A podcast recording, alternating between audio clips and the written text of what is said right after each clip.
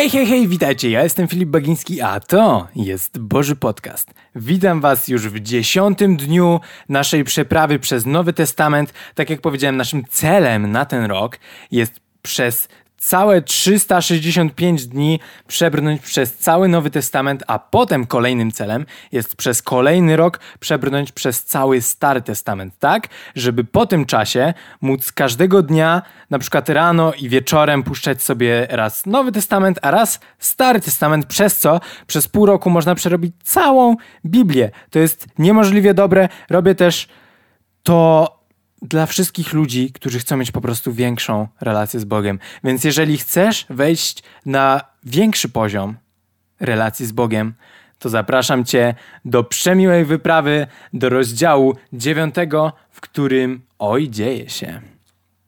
Zaczynając od Ewangelii Mateusza, dziewiątego rozdziału pierwszego wersetu. Jezus wsiadł więc do łodzi, przeprawił się na drugą stronę i przybył do swego miasta. Wówczas przynieśli mu sparaliżowanego. Leżał on na posłaniu.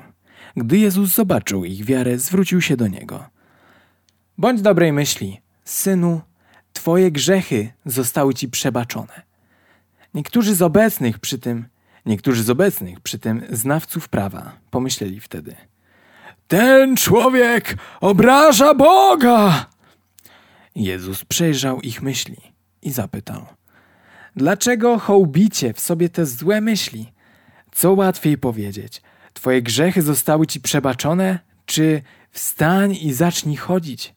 Wiedzcie jednak, że Syn Człowieczy ma na ziemi władzę przebaczania grzechów. I tu polecił sparaliżowanemu. Wstań, złóż posłanie, możesz iść do domu.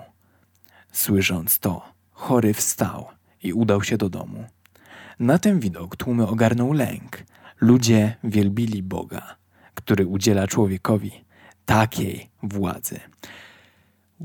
To jest bomba. To jest bomba. Dziewiąty rozdział od pierwszego wersetu do ósmego. Słuchajcie, co tu się dzieje? Jezus na początku wsiada do łodzi, przeprawia się tam na drugą stronę, żeby przejść e, do, żeby przeprawić się do zupełnie innego miasta i wtedy przynoszą mu sparaliżowaną osobę, która tylko leży na posłaniu.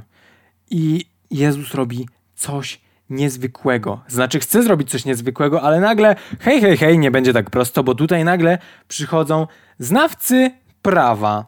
Bo oni wtedy sobie pomyśleli, ten człowiek obraża Boga, bo on, bo Jezus odpuścił grzechy tamtemu człowiekowi i oni nie uznawali jakby Jezusa za Boga, tylko za człowieka, więc wierzyli, że to, że on mówi, że grzechy mu zostały odpuszczone, to to się ma nijak, bo on jest, halo, on jest tylko człowiekiem, on, obra on obraża naszego Boga. Tak nie może być. I tutaj, co się okazuje, Jezus miał, ja nie wiem jak to nazwać, czy szósty zmysł, czy po prostu, no nie wiem, ale on potrafił czytać w myślach, bo słuchajcie, co tu jest napisane. W czwartym wersecie Jezus przejrzał ich myśli i zapytał – dlaczego hołbicie w sobie te złe myśli? Jakie to musiało być dla nich nagle takie. Musiały ich zatkać, bo ej! Co jest? Czytasz mi w myślach? Co jest grane? Myśli są moje! Co oni mieli odpowiedzieć? A Jezus kontynuował. Co łatwiej powiedzieć? Twoje grzechy zostały ci od przebaczone, czy wstań i zacznij chodzić? Co się wtedy dzieje? Jezus ich konfrontuje. Co jest łatwiej powiedzieć? To, że grzechy zostały ci odpuszczone, to, że odpuszczam ci wszystko to złego, to zło całe, co narobiłeś, czy wstań i zacznij chodzić. Co jest trudniejsze? W tamtej sytuacji myślę, że trudniejsze było, żeby ta osoba wstała i zaczęła normalnie funkcjonować. Pamiętajmy, sparaliżowana osoba. Nie wiadomo, co się działo z tą osobą. Czy ona miała coś z kręgosłupem, czy. Chwila, czy to było w tekście? Nie, po prostu sparaliżowana. Myślałem, że tam było coś więcej wytłumaczone o tej osobie. I w szóstym, wiedzcie jednak, że Syn Człowieczy ma na ziemi władzę przebaczania grzechów. I tutaj jest ważne, Syn Człowieczy, hmm, kto to może być? No, yy, mądrzy ludzie powiedzą, że no tak, określenie Jezusa, przecież logiczne, prawda? Prawda, tylko że nie do, nie cała. Bo Syn Człowieczy to oznacza, że jest to ciało człowieka, ale w ciele człowieka jest Bóg, tylko Bóg sam jakby blokuje swoje Boże możliwości. W takim sensie, że zamyka się do tego ciała, w ograniczenia tego ciała. W sensie dostosowuje się do ograniczeń tego ciała. Mógłby na przykład nie jeść, nie czuć bólu, ale yy, syn człowieczy oznacza właśnie. No, ach, trudno to wyjaśnić, ale jest to łatwe do pojęcia w takim sensie, że jeżeli my. Hmm. Teraz się trochę wkopałem. Chodzi o to, że Jezus pozbawia się swoich boskich, nadprzyrodzonych takich zdolności, oprócz uzdrawiania i takich rzeczy jakby duchowych, to pozbawia się ich, aby być jak najbardziej podobnym do nas, żeby czuć i żeby potem, no bo wiecie, jakby był jakimś, załóżmy kosmitą albo miałby inne ciało, to moglibyśmy zarzucać Jezusowi wiele dziwnych rzeczy i wiele nieprawdziwych rzeczy, a Jezus chciał pokazać, że chce być jakby taki, jak my jesteśmy, i chciał nam pokazać, jak bardzo można standardy życia podwyższyć, będąc nadal człowiekiem. I dalej czytamy w dziewiątym wersecie. A nie, jeszcze nie dokończyłem. W szóstym wersecie i tu polecił sparaliżowanemu: Wstań, złóż posłanie, możesz iść do domu. I słysząc to, chory wstał i udał się do domu. Stał się cud. Na ten widok tłumy ogarnął lęk. Ludzie wielbili Boga, który udziela człowiekowi takiej władzy.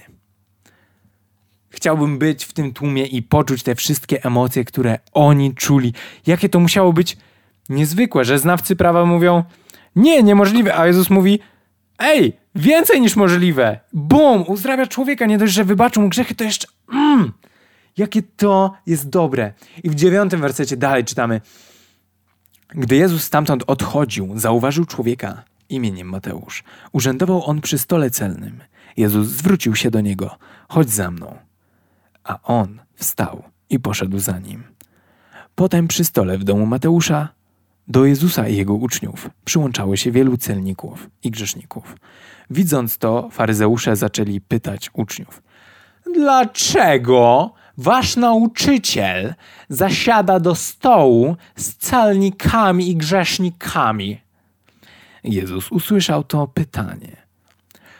Chorzy, a nie zdrowi, powiedział, potrzebują lekarza. Idźcie Przypomnijcie sobie, co to znaczy. Miłosierdzia chcę, a nie ofiary. Nie przyszedłem powołać sprawiedliwych, lecz grzeszników. Wow, to jest taka bomba dla tych ludzi, którzy mieli coś do zarzucenia Jezusowi, w takim sensie, że wiecie, no my to jesteśmy tacy święci, a ty, ty się zadajesz z takimi z takimi, jak to nazwać, szumowinami, z takimi wodorostami społeczeństwa, bo przecież oni są tak, z takim mułem, z takim w ogóle fu. A po prostu, a Jezus mówi, hej, halo, lekarza potrzebują chorzy, a nie zdrowi, halo, spójrzcie na swoją psychikę, na swoją logikę, jak wy chcecie kochać ludzi, skoro nienawidzicie ich. To jest to jest takie proste. Jezus mówił tak proste i oczywiste rzeczy, choć dla nich były bardzo trudne do pojęcia. Czternasty. Wtedy podeszli do niego uczniowie Jana i zapytali: Dlaczego my i faryzeusze tak często pościmy, a twoi uczniowie nie? Jezus im odpowiedział: Czy goście weselni mogą się smucić, dopóki jest z nami Pan młody? Przyjdzie jednak czas, gdy Pan młody zostanie im zabrany i wtedy będą pościć. Nikt nie naszywa na stary płaszcz łaty z płótna, które się jeszcze nie zbiegło w praniu. Takie płótno ściągnęłoby obrzeża dziury i rozdarcie stałoby się większe. Nikt też nie wlewa młodego wina w stare bukłaki, jeśli nie chce, by mu one pękły. Wino wyciekło i same bukłaki uległy zniszczeniu. Młode wino wlewa się do nowych bukłaków. W ten sposób chroni się jedno i drugie. I to jest koniec na dzisiaj. Wiem, że trochę krótki ten fragment, ale wszystko jest tak idealnie podzielone, abyśmy w każdy dzień przerobili pewną dozę Nowego Testamentu, żeby nie było za długo, żeby nie było za krótko.